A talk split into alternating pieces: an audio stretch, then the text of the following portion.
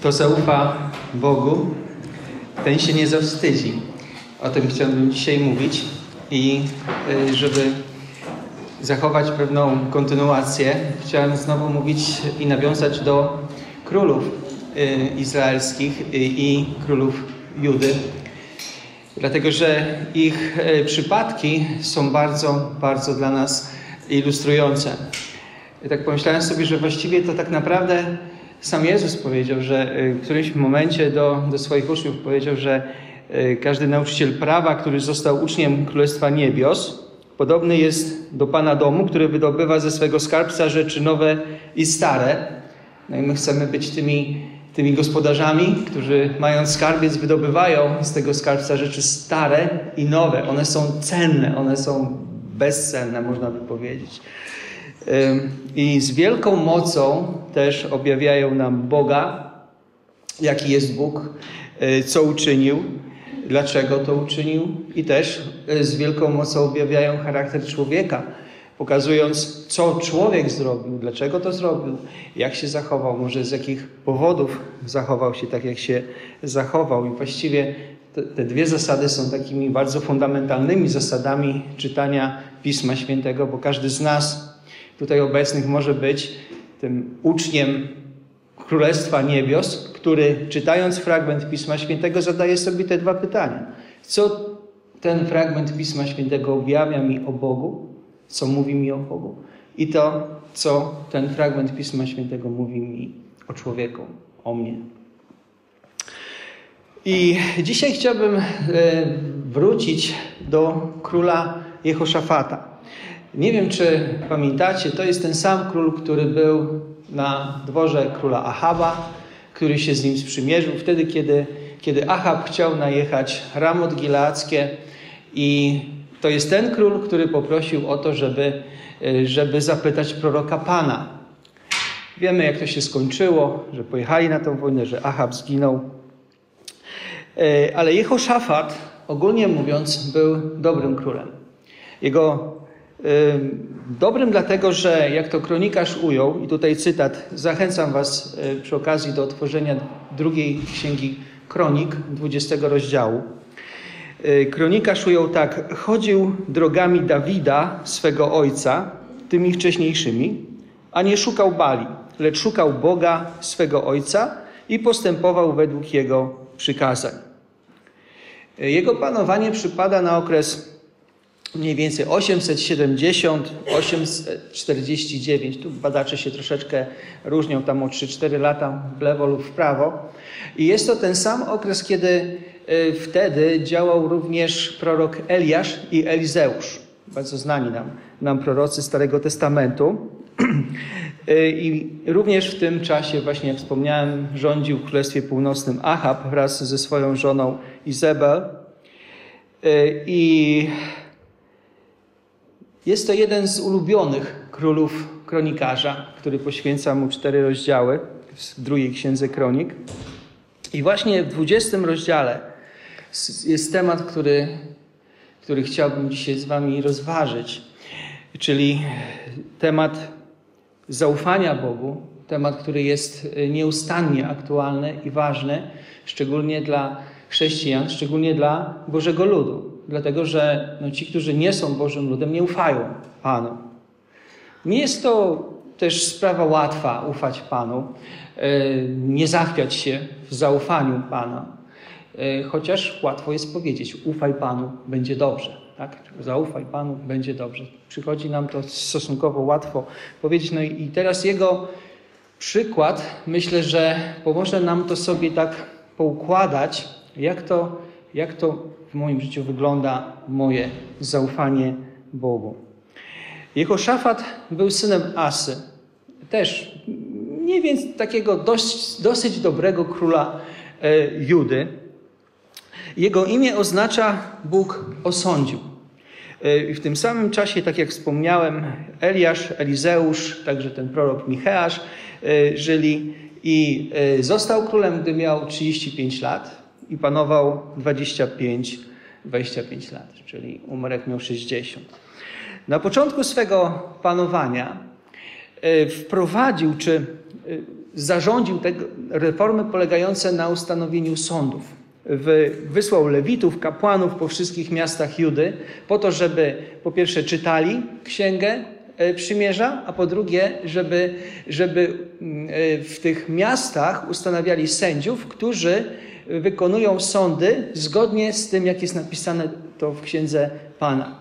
I jeszcze podkreślał to wielokrotnie, żeby sądzić sprawiedliwie, żeby nie mieć względu na osoby, żeby sądy, które e, ci kapłani, którzy ci zostali ustanowieni, mieli wydawać, żeby były zgodne z pismem.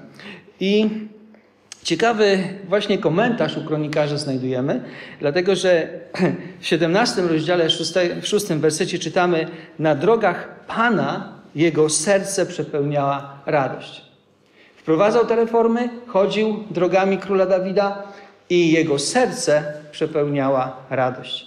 A myślę sobie, że y, kto się nawrócił i jego nawrócenie przebiegło może w podobny sposób, to może pamiętać, że, że te początkowe miesiące czy lata to są takie lata naprawdę takiego, tej pierwszej miłości, tej radości, tego, takiego, takiego, takiego uniesienia. I myślę sobie, że, że, że Jehoszafat czegoś takiego, takiego do, doświadczył.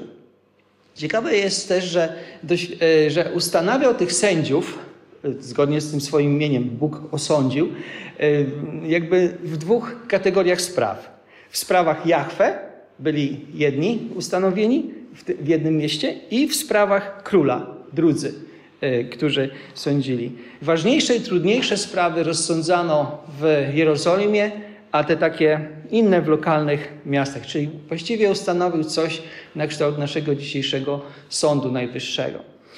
E, I mimo tego, e, że Jehoszafat zabiegał o to, żeby, żeby e, postępować zgodnie z prawem, żeby, żeby naśladować Dawida, żeby, żeby wykonywać wszystko jak należy, to jednak czytamy, że nie usunięto jednak wyżyn, a lud miał, nie miał jeszcze utwierdzonego w sercu Boga swych ojców.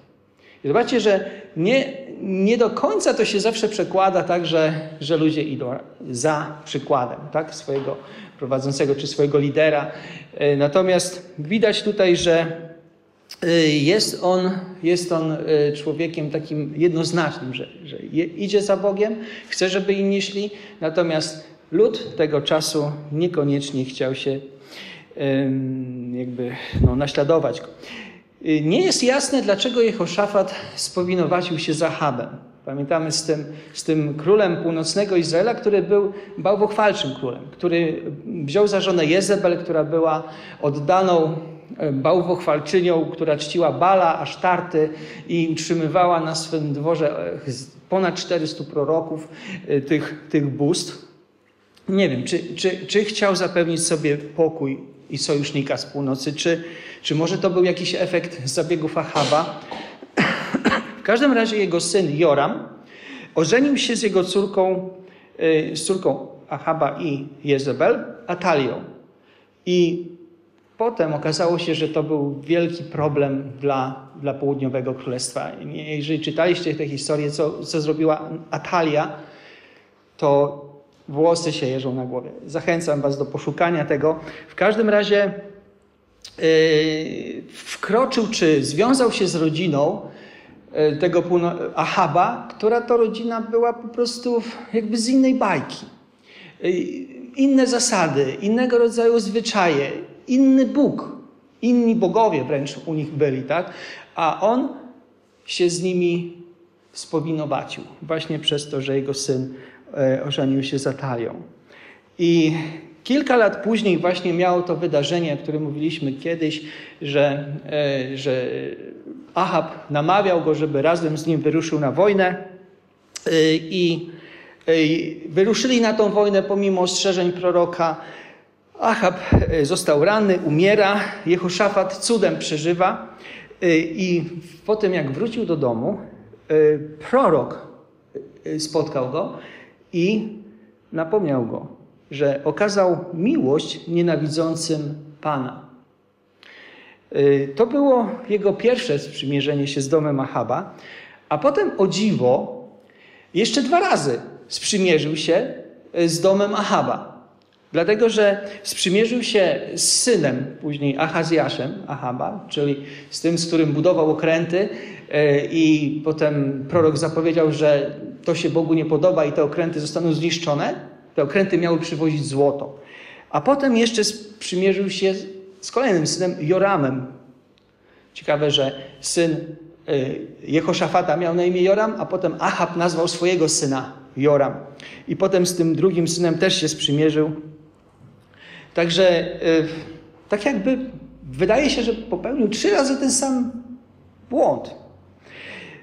No i teraz mamy tutaj przed sobą człowieka, który wrócił z tej wojny, wprowadza te swoje reformy kraju, utwierdza, umacnia miasta, rozbudowuje armię, staje się sławny, możny i w którymś momencie okazuje się, że Amonici, Moabici i mieszkańcy góry Seir, to nie do końca są Edomici, ale taki lud Meunitów, którzy tam mieszkali, sprzymierzyli się i ruszyli na królestwo Judy, na Jehoszafata.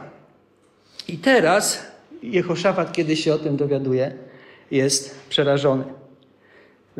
Doniesiono mu, że to, ta potężna armia, trzy królestwa się zjednoczyły i, i już nadchodzą. I zauważcie, to co Jehoszafat robi, różni się od tego, co zrobił Asa, jego ojciec. Bo jego ojciec Asa zrobił tak, że w momencie, kiedy najechał na. Był taki, taki, taki wątek, że król północy Basza najechał na królestwo południowe i wtedy rządził Asa, ojciec Jehoszafata. I co zrobił Asa? Asa wziął pieniądze ze skarbca królewskiego, wziął pieniądze ze skarbca świątyni i wysłał je do króla Syrii, Ben-Hadada, po to, żeby król Syrii najechał na króla północnego Izraela i w ten sposób odciągnął jego wojska od, od południowego królestwa. I teraz, kiedy te trzy królestwa przychodzą i zagrażają Jehoszafatowi, Jehoszafat tego nie robi. Tego nie robi. Ale co on robi? Nie ma czasu, jest przerażony, wielka armia, nie ma czasu wyposażyć swojej armii, nie, nie chce, czy może też nie ma czasu zawiązywać sojuszów, czy przekupywać jakieś inne królestwa. Post pokuta całego narodu. To jest to, do czego wzywa Jehoszafat. To jest coś innego, to jest inna jakość niż do tej pory. Zauważcie, że, że Jehoszafat, tutaj w drugiej kronik 23 czytamy, zwrócił się, aby szukać Pana i ogłosił post w całej ziemi Judy. Groziło im to, że zostaną zgładzeni po prostu z powierzchni ziemi. Cały, cały naród. I zauważcie też dalsze słowa. Tutaj ta modlitwa Jehoszafata, która jest zapisana właśnie w tym 20 rozdziale drugiej Księgi Kronik, jest bardzo poruszająca i też pokazująca, jak, w jaki sposób Jehoszafat myślał o Bogu i w jaki sposób Jehoszafat znał Boga. Szósty werset. Panie Boże naszych ojców, czy to nie Ty jesteś Bogiem na niebiosach, w niebiosach i nie Ty rządzisz wszystkimi królestwami ludów, a w Twej ręce moc i potęga i nie ma nikogo, kto by się Tobie oparł. To było niepodważalne dla niego. On wiedział, że Bóg ma wszelką moc. Potem odnosi się do tej słynnej modlitwy, którą Salomon zaniósł, kiedy, kiedy była oddawana świątynia kiedy została wybudowana i, poświęcona świątynia Salomon, tam się modlił, że kiedy lud w potrzebie, w nieszczęściu, w jakiejś trosce będzie i stanie w tej świątyni, będzie się modlił, będzie wołał do Boga, to wtedy Bóg w tym nieszczęściu usłyszy i, na, i nas wybawi. Ten dziewiąty werset tego 20 rozdziału. Wyraża też swoją bezsilność, czy bezsilność całego narodu i prosi o pomoc sąd właściwie nad tą zmierzającą armią. Patrzmy, dwunasty werset. Boże nasz, czy ich nie osądzisz? Nie ma w nas bowiem mocy w obliczu tak licznego tłumu, który idzie przeciwko nam, a my nie wiemy, co robić. lecz nasze oczy są zwrócone ku Tobie. Nie wiem, czy wyobrażamy sobie sytuację. Zagrożony jest cały kraj. Setki tysięcy ludzi. Nie ma czasu na, na to, żeby cokolwiek zrobić. I jedyne, co robią, to się modlą. Modlą się, pokutują i stoją w Jerozolimie, stoją w świątyni, czekając na to, co zrobi Bóg. Co zrobi Bóg. I tam jest też taki poruszający fragment, że cały lud Jerozolimy i ci wszyscy, którzy przyszli na tę modlitwę, stoją wraz ze swoimi dziećmi i się wpatrują po tej modlitwie Jehoszafata, co będzie dalej. I w którymś momencie jeden tam z obecnych, Jehaziel, takie trudne imię, jego ogarnął Duch Boży, czy Duch Święty i wypowiada zapewnienie, że zostaną uratowani i żeby się nie bali i nie przerażali, bo to nie jest ich walka, ale walka Boga. Wtedy się wszyscy, jak tam byli, skłonili przed Bogiem, Jehoszafat jako pierwszy i nie zaczęli szykować puklerzy, czyścić strzał, czy, czy, czy, czy ostrzyć strzał w łukach, e, ostrzyć włóczni, tylko zaczęli uwielbiać Boga. Zaczęli śpiewać Bogu, chwalić Jego imię, wywyższać Go z taką świadomością, tak jak psalmiści to robili za czasów Dawida, że Bóg jest wielki, że Jego łaska trwa na wieki. I, i to trwało. Nie, nie wiem, jak długo trwało, ale y, na pewno podejrzewam kilka godzin, y, bo następnego dnia mieli pójść i stanąć do szyku przed tą armią, która na nich e, przyszła. E, się tak zastanawiałem, czy się bali. Ilu z nich, ilu z nich e, miało wątpliwości na przykład. Bo Jehoszafat, tutaj patrzymy na tego króla, który, że, że wierzył, ale na przykład jak ten cały lud, który tam był, czy wszyscy tak samo wierzyli? Na przykład, czy, czy, czy, czy, czy nie było nikogo, kto wątpił, kto się bał, kto, kto, kto, kto w jakiś sposób podejrzewał, że no, nie wiadomo, co się stanie, nie wiadomo, co z nim będzie i, z jego bliskimi. Różnie mogło być, nie? Natomiast y, czekali na Boży ratunek. Czekali i w momencie, kiedy już nastał nowy dzień, kiedy już mieli stanąć ze swoją armią, ale mieli stanąć i nic nie robić, to jest ciekawe. Ale mieli wyjść i stanąć i wtedy, kiedy wychodzą, Jehoszafat znowu pokazał swoje serce. E, mówi do nich, słuchajcie mnie, Judejczycy, 20 werset 20 rozdziału. I mieszkańcy Jerozolimy, zaufajcie Panu, waszemu Bogu, a zostaniecie umocnieni. Zaufajcie Jego prorokom, a wam się powiedzie. I znowu Bogu śpiewali.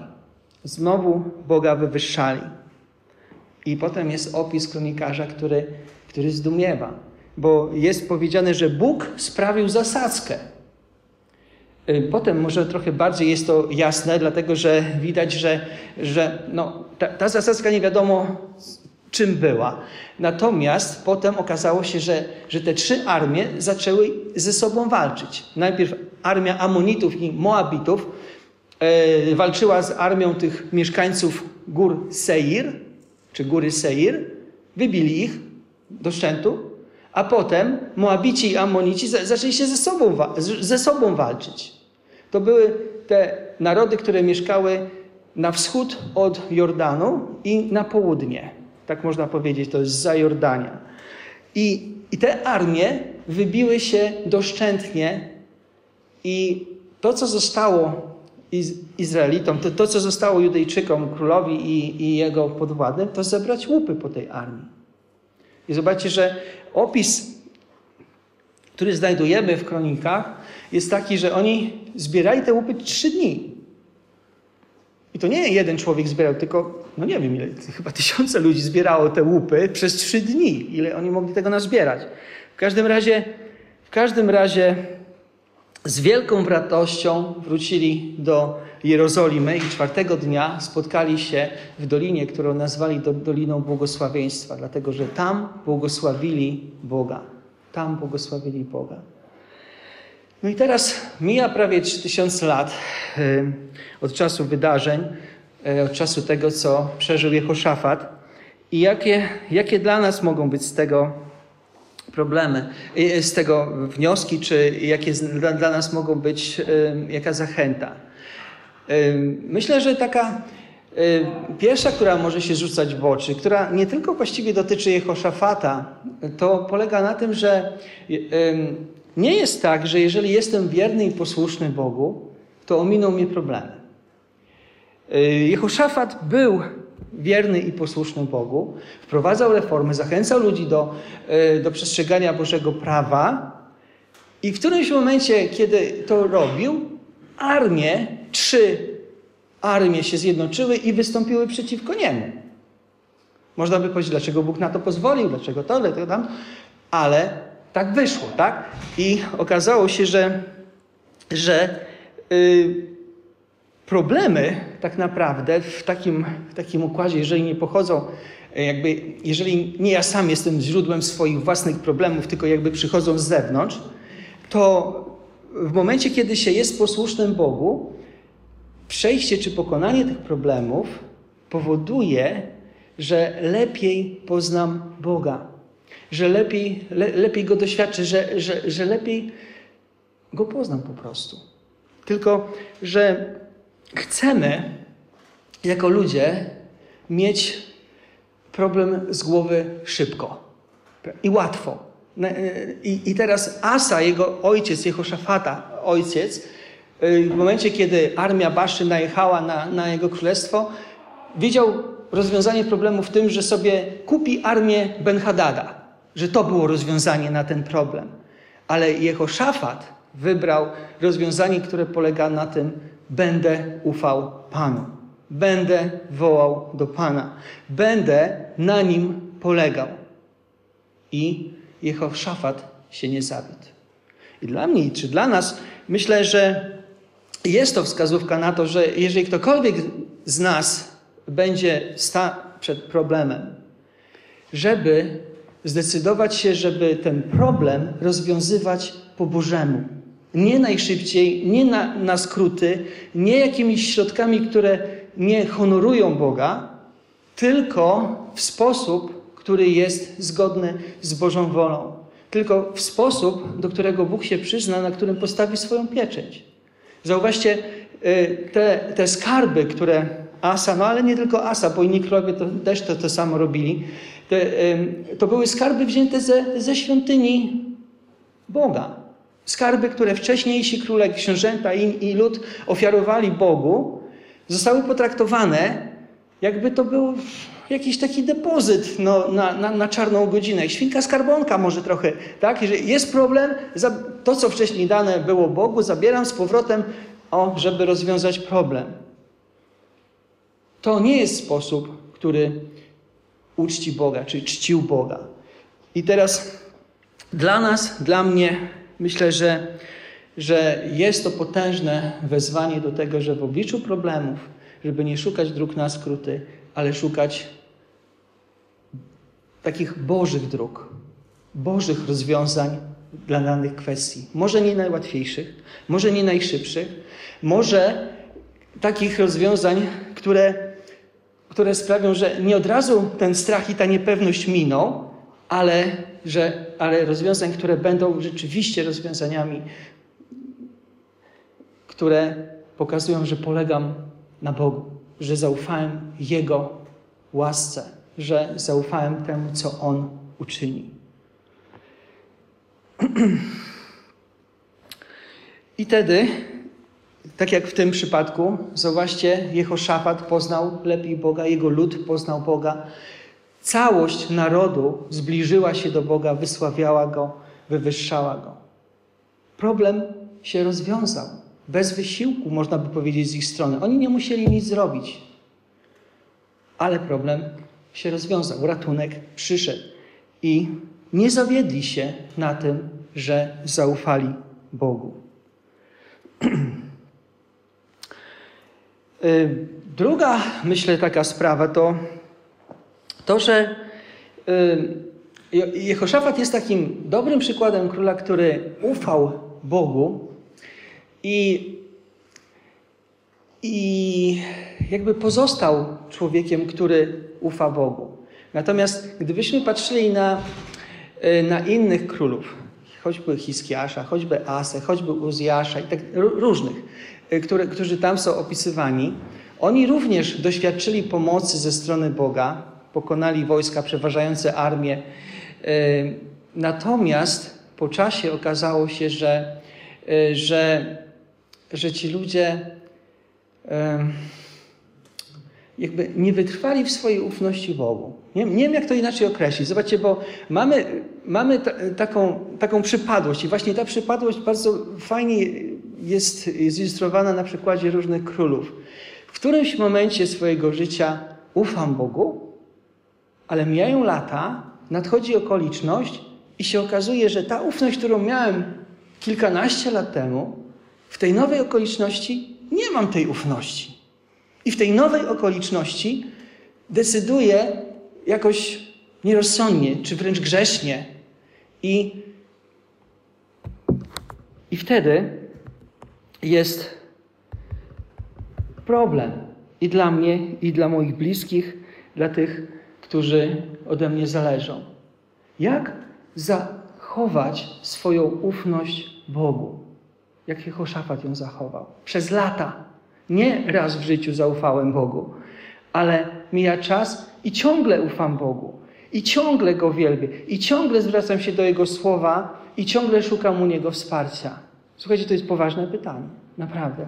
Jak nie stracić swojego, y, swojej takiej ufności w tym, co uczynił Bóg? I wydaje mi się, że odpowiedzią, odpowiedzią jest to, że, żeby patrzeć na to, że że, że łaska Boża nie jest czymś, co mi się należy. Że zwycięstwo, powodzenie, pieniądze, bogactwo, sława, którymi ci królowie się cieszyli, nie jest czymś, co, co, co sobie wypracowali, co sobie zarobili, co im się należało. Coś, co mogliby powiedzieć, że, że sami sobie zdobyli.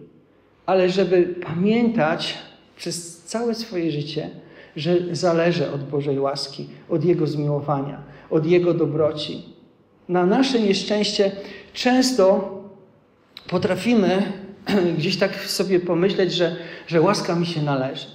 No bo przecież chodzę do kościoła, bo, bo jestem wierny tyle czasu, przecież muszę, tak? Ale, ale łaska jest łaską. I dobrze jest pamiętać o tym, że, że łaska ze strony Boga jest czymś niezasłużonym.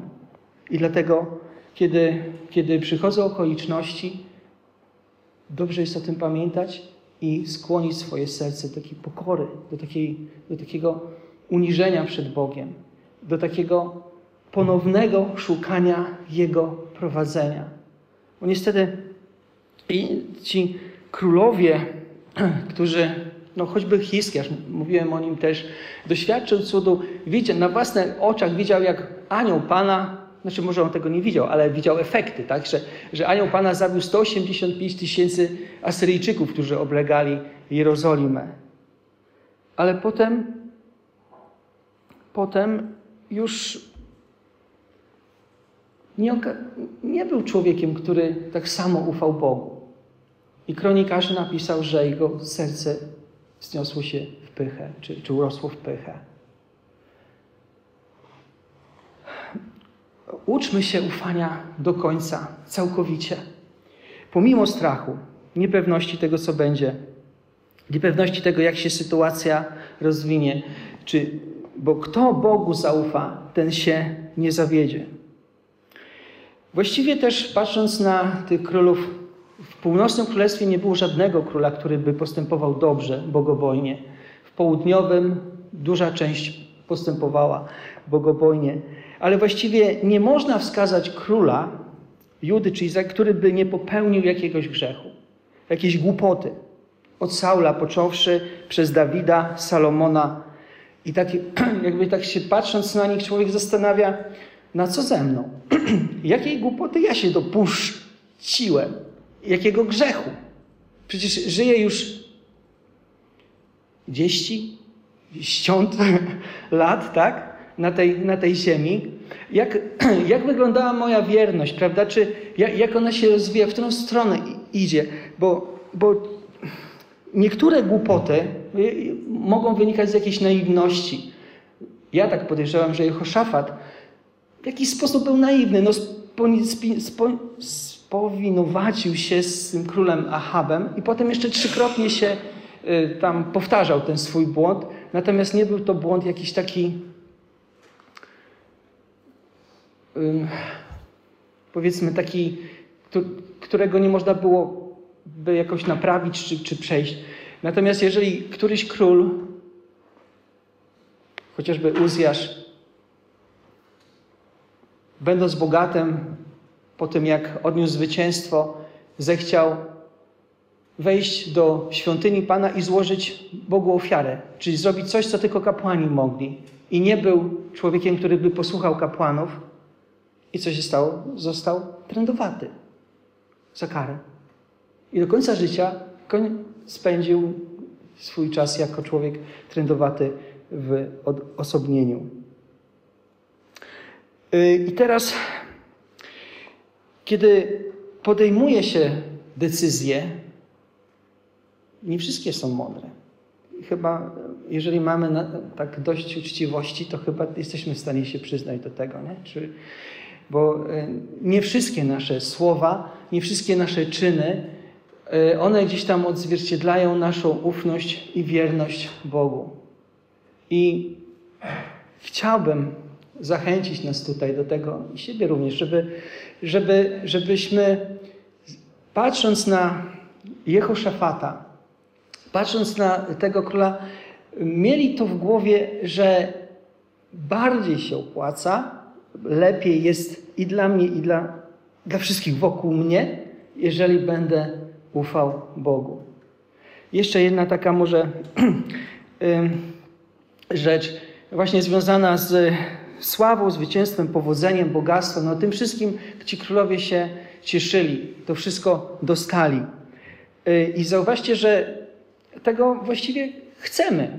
My w naszym życiu. Chcemy powodzenia, chcemy zdrowia, chcemy, chcemy y, zasobności w jakiejś przyzwoitej mierze, tak? Uznajemy to za Boże błogosławieństwo. Y, I w wielu przypadkach, na nasze nieszczęście, znowu powiem, tego rodzaju rzeczy właśnie są, stają się sidłem dla, człowieka. Stają się sidłem, bo człowiek zamiast polegać na dawcy, zaczyna polegać na darach.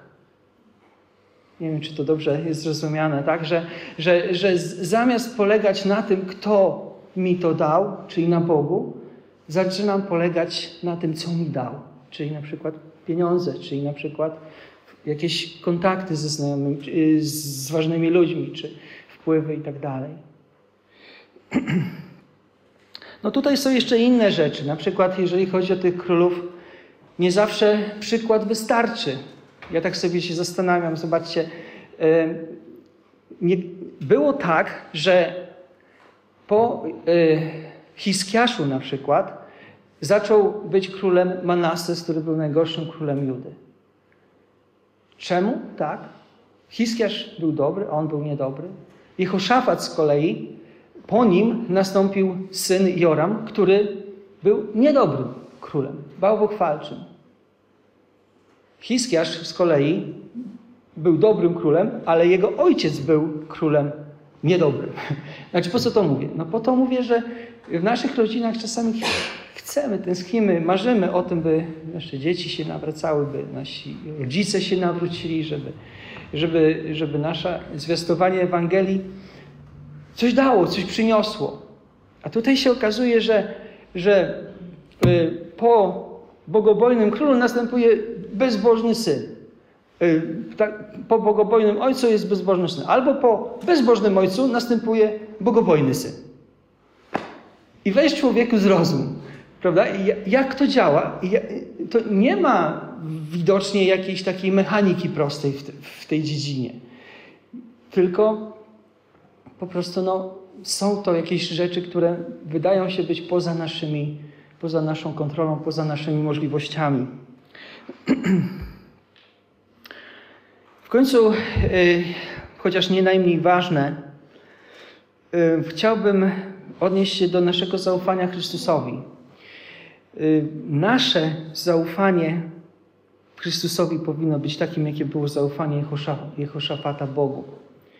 W modlitwie, w pokucie, w poście, z uwielbieniem czekamy na Jego działanie.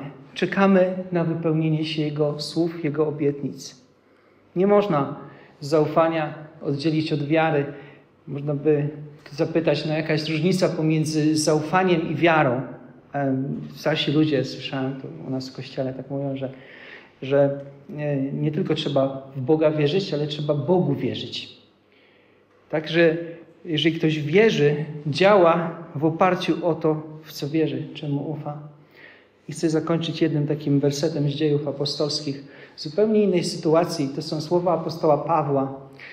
W momencie, kiedy, kiedy, y, kiedy on mówi do ludzi, którzy są na statku, ten statek ma się rozbić. On mówi: Bądźcie więc dobrej myśli, mężowie, bo ufam Bogu, że będzie tak, jak mi powiedziano.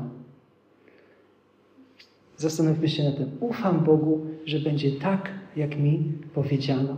Jeżeli powiedziano, że zbawiony będziesz, jeśli zaufasz Chrystusowi, to będzie tak, jak powiedziano.